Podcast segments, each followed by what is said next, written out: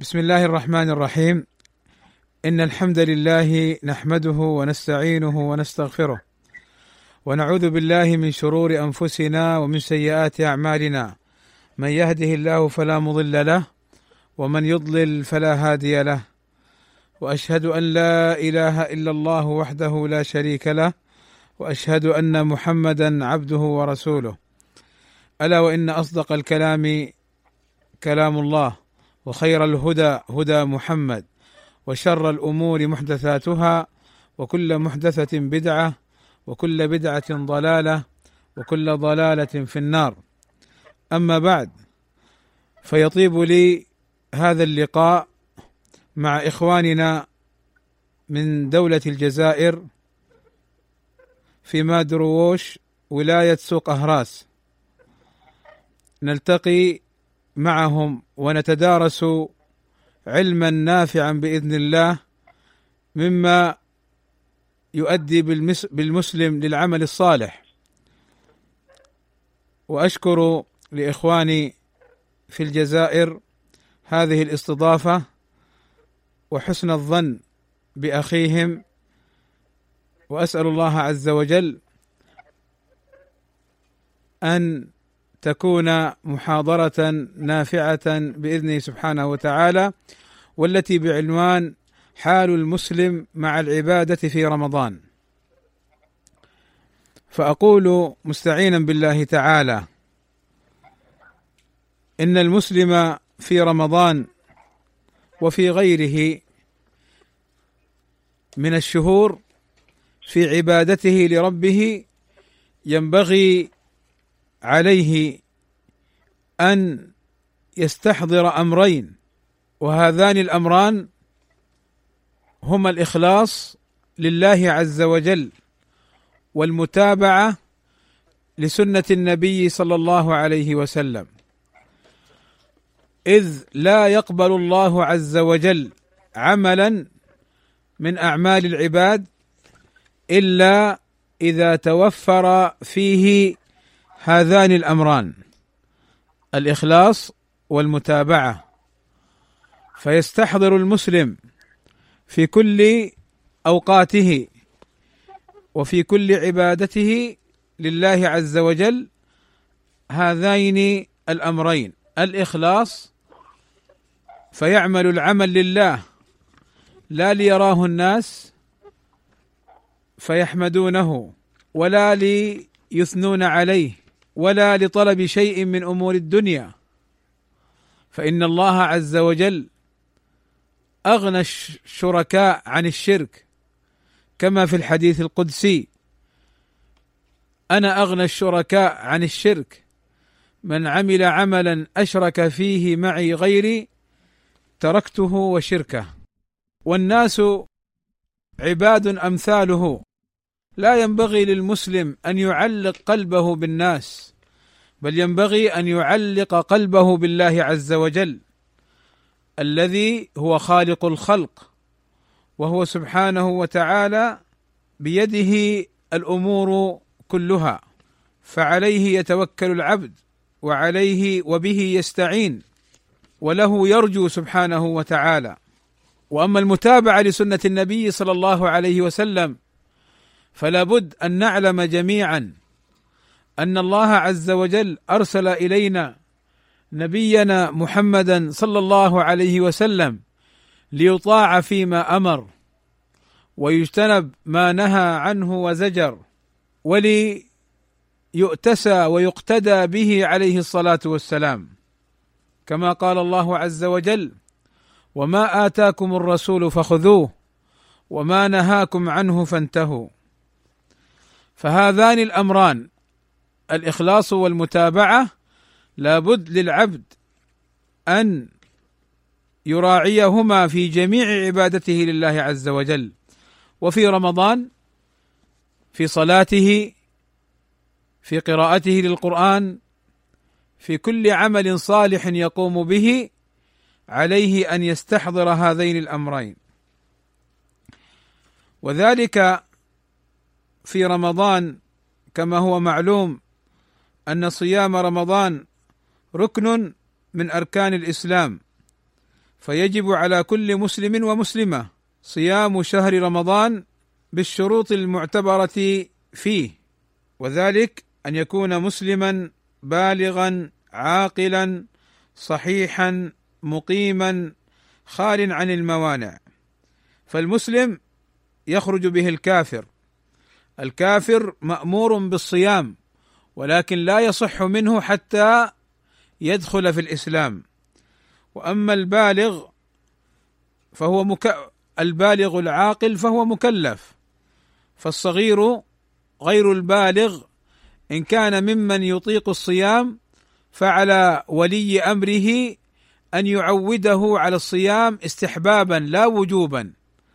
وأما المجنون وفاقد العقل فإن هذا غير مكلف. وأما الصحيح فيقابله المريض الذي لا يستطيع الصيام. وأما المقيم فيقابله المسافر. فالمسافر والمريض لهما عذر شرعي في الفطر ثم القضاء من أيام أخر. وهذا تخفيف وتيسير ورحمة من الله بهذه الأمة.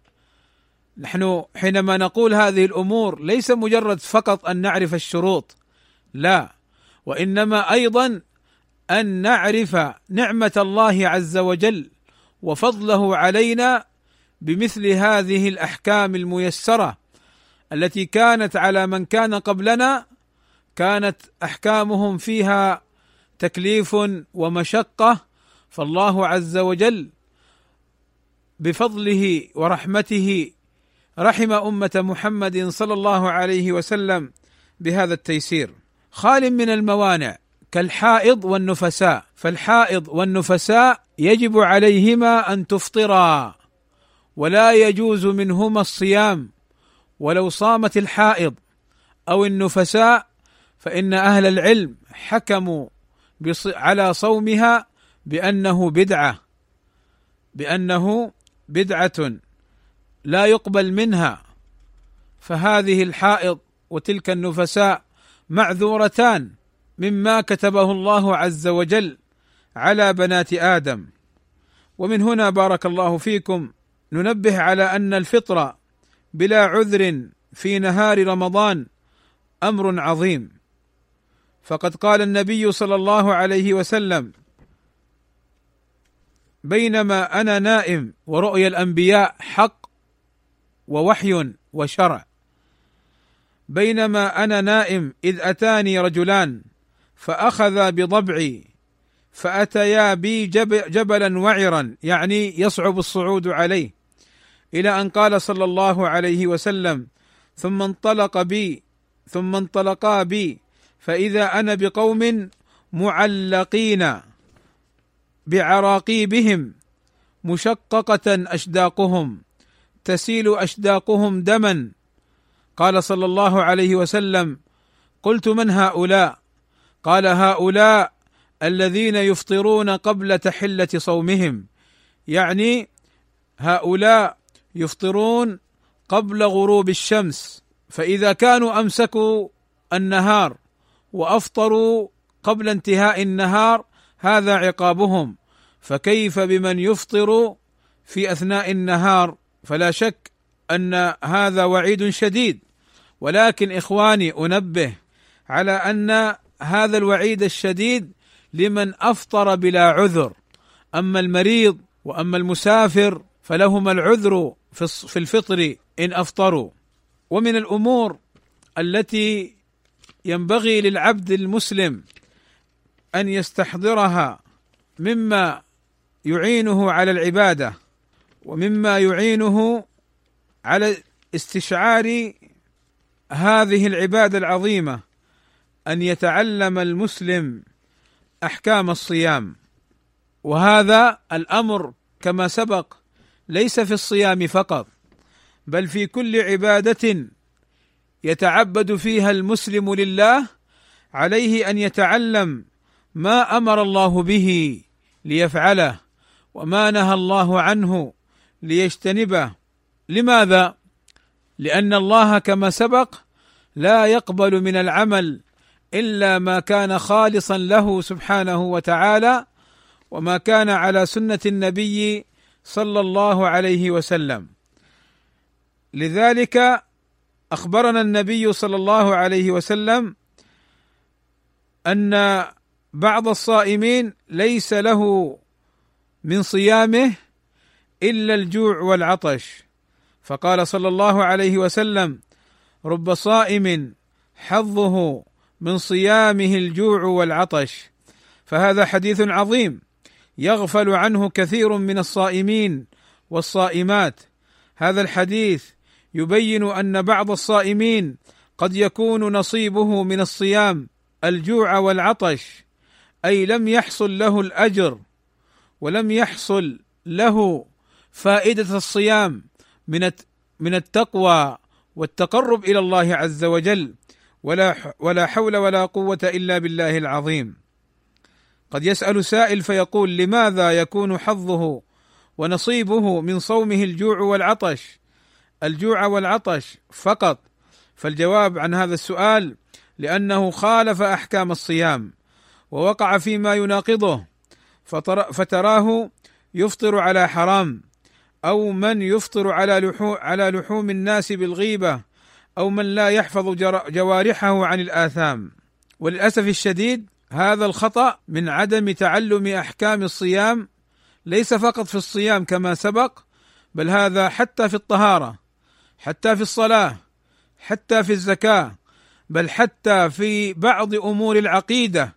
فتجد بعض المسلمين في بعض البلاد قد يقع في أمور تناقض التوحيد أو يقع في أمور تنقص كمال التوحيد وهو لا يعلم فقد يحلف بغير الله كأن يقول والنبي أو وسيدي فلان والحلف بغير الله كما قال النبي صلى الله عليه وسلم من حلف بغير الله فقد أشرك والعلماء بينوا أن الحالف بغير الله له حالتان إما أن يحلف بغير الله معظما لهذا المحلوف منزلا له منزلة الآمر والناهي منزلة الإله فإن هذا شرك أكبر مخرج من الملة.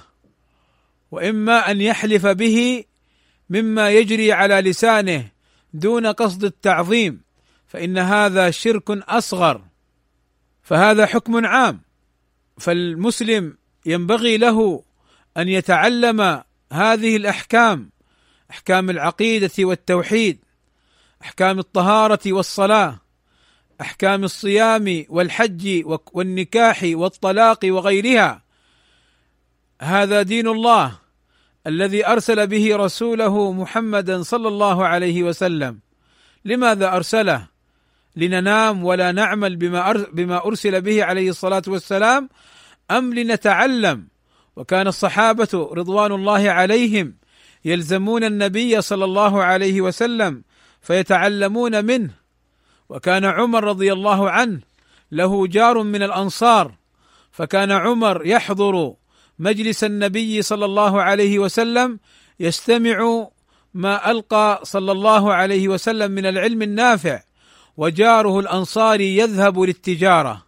فإذا جاء الليل جاء الأنصاري إلى عمر فطرق بابه وسمع من عمر ما أخبر به النبي صلى الله عليه وسلم وما علمهم النبي صلى الله عليه وسلم.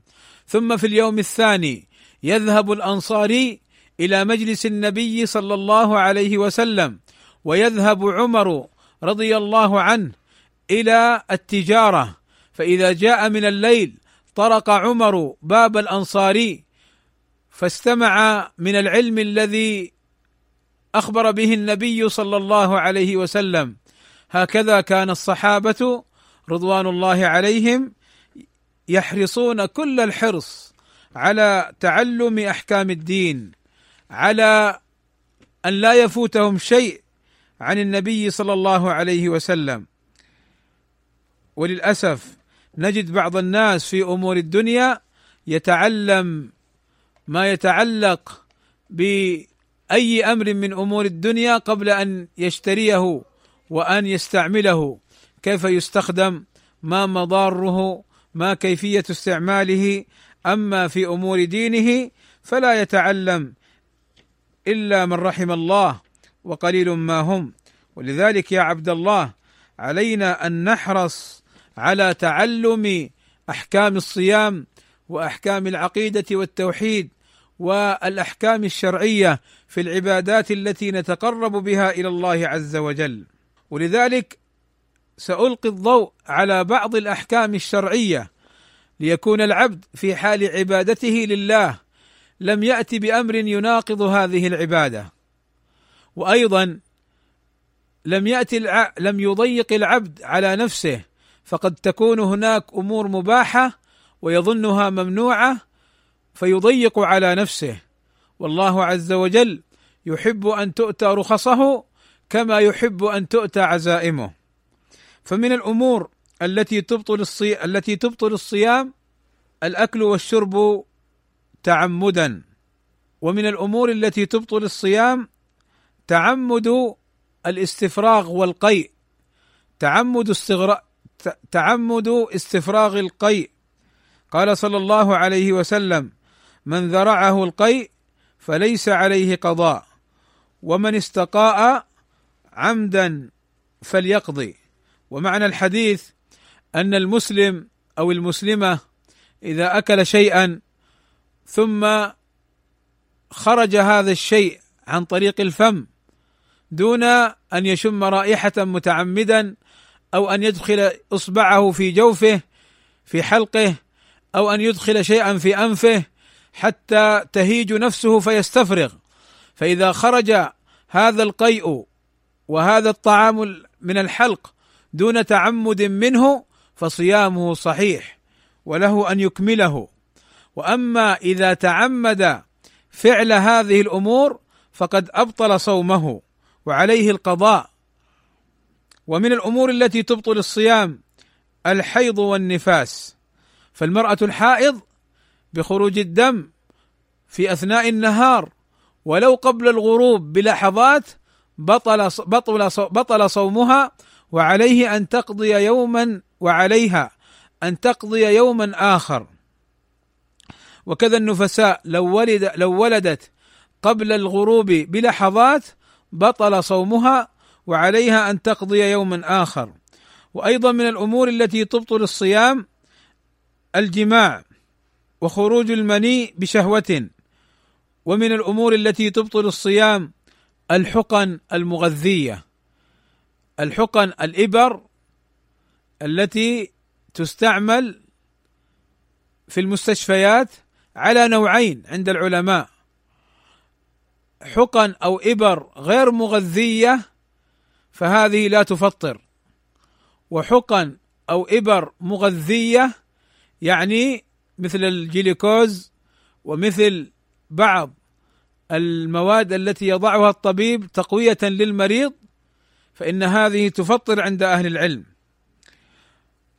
اذا هذه الأمور التي تبطل الصيام ومن الأمور التي تباح للصائم ولا حرج عليه في فعلها السواك في نهار رمضان من أوله إلى آخره فيباح له السواك. قال صلى الله عليه وسلم السواك مطهرة للفم مرضاة للرب وكان عمر يكثر من السواك وهو صائم. وكان ابن عمر يستاك أول النهار وآخرة ولا قالوا يستاك أول النهار وآخرة. فالسواك لا مانع لا مانع منه. ومن الأمور التي تباح للصائم المضمضة والاستنشاق دون المبالغة في الاستنشاق. فعن لقيط ابن صبرة عن رسول الله صلى الله عليه وسلم أنه قال له وبالغ في الاستنشاق إلا أن تكون صائما. ومن الأمور التي تباح في الصيام ذوق الطعام بطرف اللسان دون أن يدخل الجوف. فعن ابن عباس رضي الله عنهما قال لا بأس أن يذوق الخل أو الشيء ما لم يدخل حلقه وهو صائم. فذوق الطعام لمعرفة ملوحته أو مدى حلاه لا مانع منه في الصيام بشرط أن يتفله ولا يبلعه. ومن الأمور التي تباح للصائم أو الصائمة أن يصبحا جنبا ثم يغتسلا بعد الفجر بعد أذان الفجر. فعن عائشة وأم سلمة رضي الله عنهما أن رسول الله صلى الله عليه وسلم كان يدركه الفجر وهو جنب من أهله ثم يغتسل ويصوم. وكذا مما يباح للصائم الكحل والقطرة ونحوها مما يدخل العين. ولم ير أنس والحسن وإبراهيم بالكحل للصائم بأسا. وكذا يباح للصائم صب الماء البارد على الرأس والاغتسال. فقد كان النبي صلى الله عليه وسلم يصب الماء على رأسه وهو صائم من العطش أو من الحر. وكان ابن عمر ثبت عنه أنه بل ثوبا فألقاه عليه وهو صائم. فهذه بعض الأمور التي قد يتحرج منها بعض المسلمين ولا بأس ولا مانع من فعلها. إذ ليس مطلوب من الصائم أن يكون متقشفا وأن يكون في حالة يعني بعيدة عن الترفه فهذا خطأ. المسلم عليه أن يقتدي بالنبي صلى الله عليه وسلم. ومن الأمور التي ينبغي للصائم أن يستش... أن يستحضرها حال العبادة أن يستشعر الصائم عظمة وأهمية هذا الشهر. وما فيه من الأجر والخيرات والرحمات لأن استشعاره بأهمية هذا الشهر وأنه موسم عظيم في فعل الطاعات وحصول الأجر والثواب من الله عز وجل. إذا استشعر العبد نعمة الله عز وجل ومنته عليه بإبلاغه هذا الشهر العظيم هذا الأمر يجعله يكثر من الطاعات. ويبتعد عن المحرمات. وأما إذا لم يشعر بأهمية هذا الشهر وما فيه من الأجر العظيم فإنه يجعله يستثقل هذا الشهر وربما تضايق من دخول الشهر وفرح بخروج الشهر وربما أيضا كما حال كما هو حال بعض الناس يدخل عليه رمضان ويخرج من رمضان وكأنه لا مكانة له. ولا قيمة له في نفسه فلا يغتنم أوقاته في الطاعات بل وقته في المباحات إن لم يكن في المحرمات.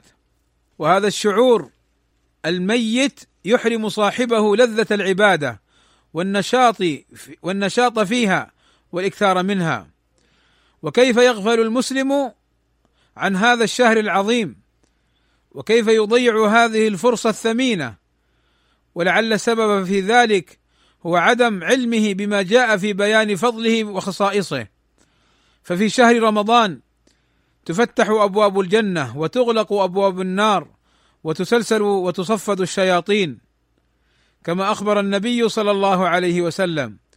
وأجر صيامه عظيم عند الله فهو إليه ورائحة الصائم أطيب عند الله يوم القيامة من رائحة المسك. قال صلى الله عليه وسلم كل عمل ابن آدم يضاعف الحسنة بعشر الحسنة عشر أمثالها إلى سبعمائة ضعف. قال الله عز وجل إلا الصيام فإنه لي وأنا أجزي به والصيام جنة فإذا كان يوم صوم أحدكم فلا يرفث يومئذ ولا يسخب فإن سابه أحد أو قاتله فليقل إني امرؤ صائم.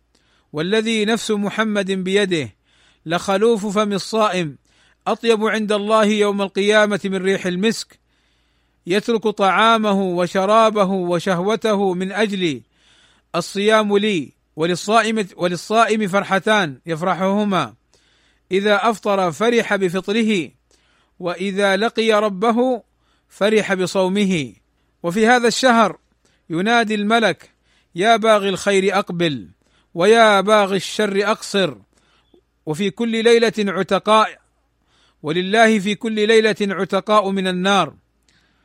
قال صلى الله عليه وسلم إذا كان أول ليلة من شهر رمضان صفدت الشياطين ومردت الجن وغلقت أبواب النار فلم يفتح منها باب وفتحت أبواب الجنة فلم يغلق منها باب وينادي مناد يعني ملك يا باغي الخير أقبل ويا باغي الشر أقصر ولله عتقاء من النار وذلك كل ليلة. ويغفر فيه في هذا الشهر لمن صامه وقامه إيمانا واحتسابا. يغفر له ما تقدم من ذنبه كما أخبر النبي صلى الله عليه وسلم. والصيام جنة يعني وقاية لصاحبه. قال صلى الله عليه وسلم الصيام جنة من النار كجنة أحدكم من القتال. وفي هذا الشهر ليلة خير من ألف شهر المحروم من حرم خيرها. فعن أبي هريرة عن النبي صلى الله عليه وسلم أنه قال أتاكم رمضان شهر مبارك فرض الله عز وجل عليكم صيامه فيه ليلة خير من ألف شهر. من حرم خيرها فقد حرم الخير كله ولا يحرم خيرها إلا محروم. ورمضان يحصل فيه تكفير للذنوب.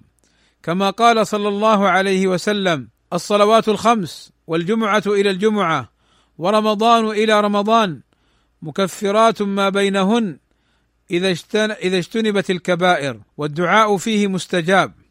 للصائم دعوة مستجابة عند فطره. فهذه بعض الخصائص التي اختص بها شهر رمضان وهي دالة على فضله وأهميته ومكانته في الإسلام. لذلك كان من هديه صلى الله عليه وسلم كان من هديه صلى الله عليه وسلم في رمضان الإكثار من أنواع العبادات. وكان يخص رمضان من العبادة بما لا يخص غيره به من الشهور. ولعل هؤلاء الذين لا يعلمون أهمية شهر أهمية شهر رمضان يجهلون أيضا المقصود من الصيام والمصالح التي فيه. فمن الأمور المقصودة في الصيام حبس النفس عن الشهوات وفطامها عن المألوفات. وأيضا تعديل قوتها الشهوانية لتستعد لطلب ما فيه غاية سعادتها ونعيمها. وقبول ما تزكو به مما فيه حياتها الأبدية ويكسر الجوع والظمأ من حدتها وسورتها ويذكرها بحال الأكباد الجائعة من المساكين. وتضيق مجاري الشيطان من العبد بتضييق مجال الطعام والشراب. وتحبس قوى الأعضاء عن استرسالها فيما يضرها في معاشها ومعادها. إلى غير ذلك من الفوائد التي ذكرها العلماء. ومما ينبغي للمسلم أن يتنبه له أن يحفظ جوارحه فالصائم مطلوب منه حفظ جوارحه يده ورجله وعينه ولسانه وأذنه عن المحرمات وليس فقط أن يصوم عن الطعام والشراب. فالصائم يتقرب إلى الله بترك الطعام والشراب وهما مباحان في غير الصوم. فكيف لا يتقرب إلى الله بترك ما هو محرم في حال الصوم وغيره من سب وكذب وغيبة ونحوها من الآثام التي تنقص أجر الصيام وقد تقطع ثوابه؟ ولذلك قال صلى الله عليه وسلم ليس الصيام من الأكل والشرب إنما الصيام من اللغو والرفث. وقال صلى الله عليه وسلم من لم يدع قول الزور والجهل والعمل به فليس لله حاجة أن يدع طعامه وشرابه. وهنا أنبه على مسألة يخطئ فيها بعض المسلمين هدانا الله وإياهم للصواب. وذلك أنهم يعتبرون أن الصائم شخص قد يصيبه حال الغضب ويكون يشتم ويسب. فإذا رأوا شخصا يفعل مثل هذه الأمور يقولون صايم صايم وهذا خطأ. فالصوم يهذب الأخلاق لا يسوءها. والصوم يحسن الأخلاق ولا يفسدها. والصائم ينبغي أن يبتعد عن السب والشتم حتى وإن سابه أحد أو شتمه لا يرد عليه. وإنما يقول إني امرؤ صائم إني امرؤ صائم. فلا يليق بالصائم أن يكون في حالة غضب وفي حالة يطيل فيها لسانه على الآخرين والآخرون يقولون معذور صائم. كيف؟ هل الصيام يفسد الأخلاق أم يهذبها؟ هل الصيام يبعد عن الله أم يقرب من الله عز وجل؟ ولذلك على المسلم أن يتنبه لهذا الأمر. ومن الأمور التي على العبد أن يلحظها وأن يلاحظها وأن يستشعرها في حال الصيام من العبادة أن يستغل نهار رمضان في العبادة والطاعة. فإنه وقت عظيم فلا يضيعه بالنوم. فزمن شهر رمضان زمن شريف على المسلم أن يستفيد منه فيما ينفعه من الأجر والثواب. ويصون نفسه عن اللهو واللعب. بعض الناس في ليالي رمضان أو في نهار رمضان إذا استيقظوا يلعبون بعض الألعاب في الكمبيوتر أو الألعاب الأخرى مثل يعني ما تعرف بالضومنه أو ما تعرف بالباسرة ونحوها من الألعاب. آه، فإن هذه الألعاب مع كون بعضها فيها حكم النهي عند العلماء أو التحريم عند العلماء إلا أنها تضيع الوقت ولا يستغله في الطاعة. فلا شك أن هذا قد فرط في استغلال أوقات هذا الشهر صباحا ومساء. فالمسلم يصون نفسه عن اللهو واللعب وأن يتقرب إلى الله بفعل أوامره واجتناب مناهيه. ويجتنب كل ما من شأنه أن يبعده عن الله وعن عبادته سواء كان غاية أو وسيلة. فلا ينبغي له أن يضيع نهاره بالنوم. والمشكلة إن فاتته الصلاة في أوقاتها جماعة فيكون فوت علي على نفسه أمرين الصلاة لوقتها وأداؤها في جماعة. ومن المؤسف جدا أن كثيرا من الناس اعتادوا السهر في رمضان فإذا أقبل الفجر تسحروا وناموا جميع النهار أو معظمه وتركوا الصلوات مع أن الصلوات آكد من الصيام وألزم والأمر خطير جدا. ومن الناس من ينام نهار رمضان كله ولكنه يقوم ويصلي الصلاة المفروضة في وقتها ومع الجماعة فهذا ليس بآثم لكنه فوت على نفسه خيرا كثيرا لأنه ينبغي للصائم أن يشتغل بالصلاة والذكر والدعاء وقراءة القرآن حتى يجمع في صيامه عبادات شتى. ومما ألفت النظر إليه ومما ألفت النظر إليه أن الواجب على المسلم أن يستغل هذا الشهر الذي تسلسل فيه الشياطين وتفتح فيه أبواب الجنان وفيه من رحمات الله أن يستغل هذا الشهر في التوبة والرجوع إلى الله عز وجل والإقلاع عن المحرمات والمعاصي فبلوغ شهر رمضان وصيامه نعمة عظيمة على من أقدره الله عليه فكم من فكم من أمل أن يصوم هذا الشهر فلم يبلغه بل كان في ظلمة القبر وكم من مستقبل يوما لا يستكمله وكم من مؤمل غدا لا يدركه.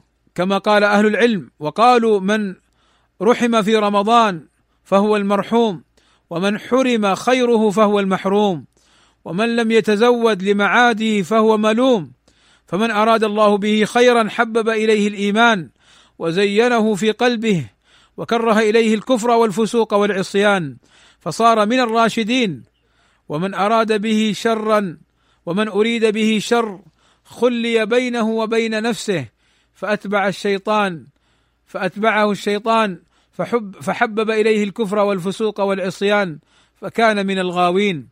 فالحذر الحذر من المعاصي فكم سلبت من نعم وكم جلبت من نقم وكم خربت من ديار وكم أخلت ديارا من أهلها فما بقي منهم ديار.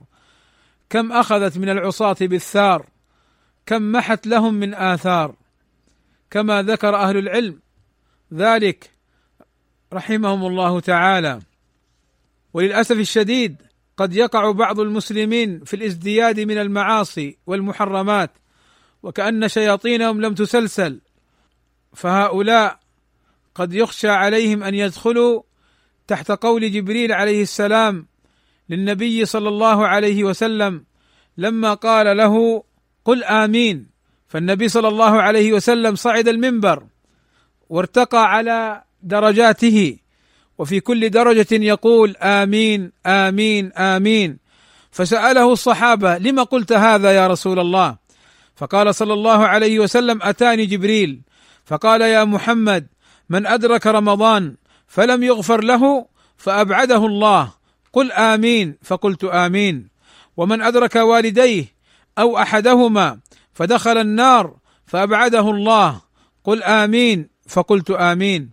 قال ومن ذكرت عنده فلم يصل عليك فأبعده الله. قل آمين. فقلت آمين. ومن ومتى يتوب من لم يتب في رمضان؟ ومتى يعود إلى الله من لم يعد في رمضان؟ والتوبة تعني صلاح الحال من الإقلاع عن الذنب وصلاح الماضي من الندم على فعل الذنب وصلاح المآل من العزم على عدم العودة إلى الذنب. ومن تاب من الذنب كمن لا ذنب له والله يتوب على من تاب.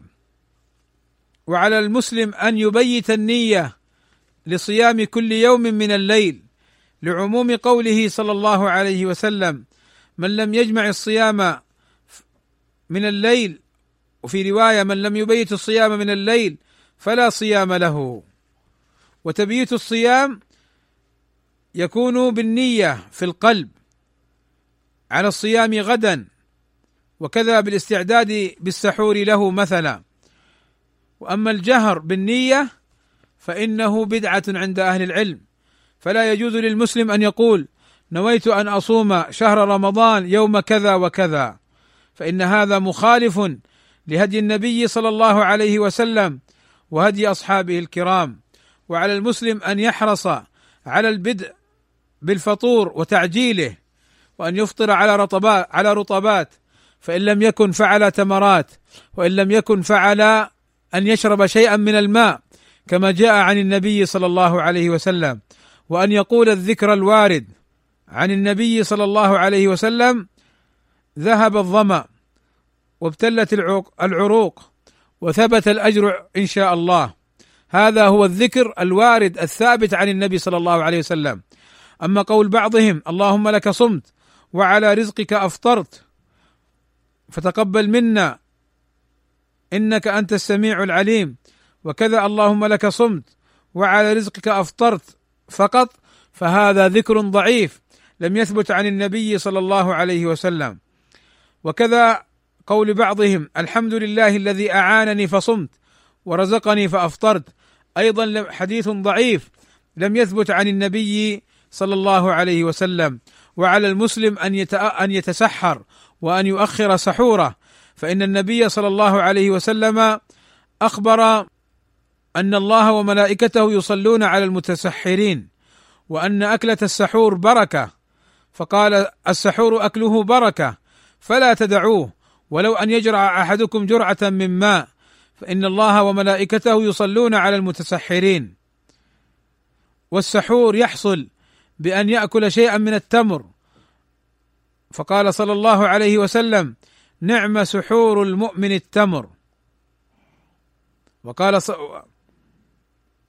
وقال صلى الله عليه وسلم كما سبق معنا السحور أكله بركة فلا تدعوه ولو أن يجرع أحدكم جرعة من ماء.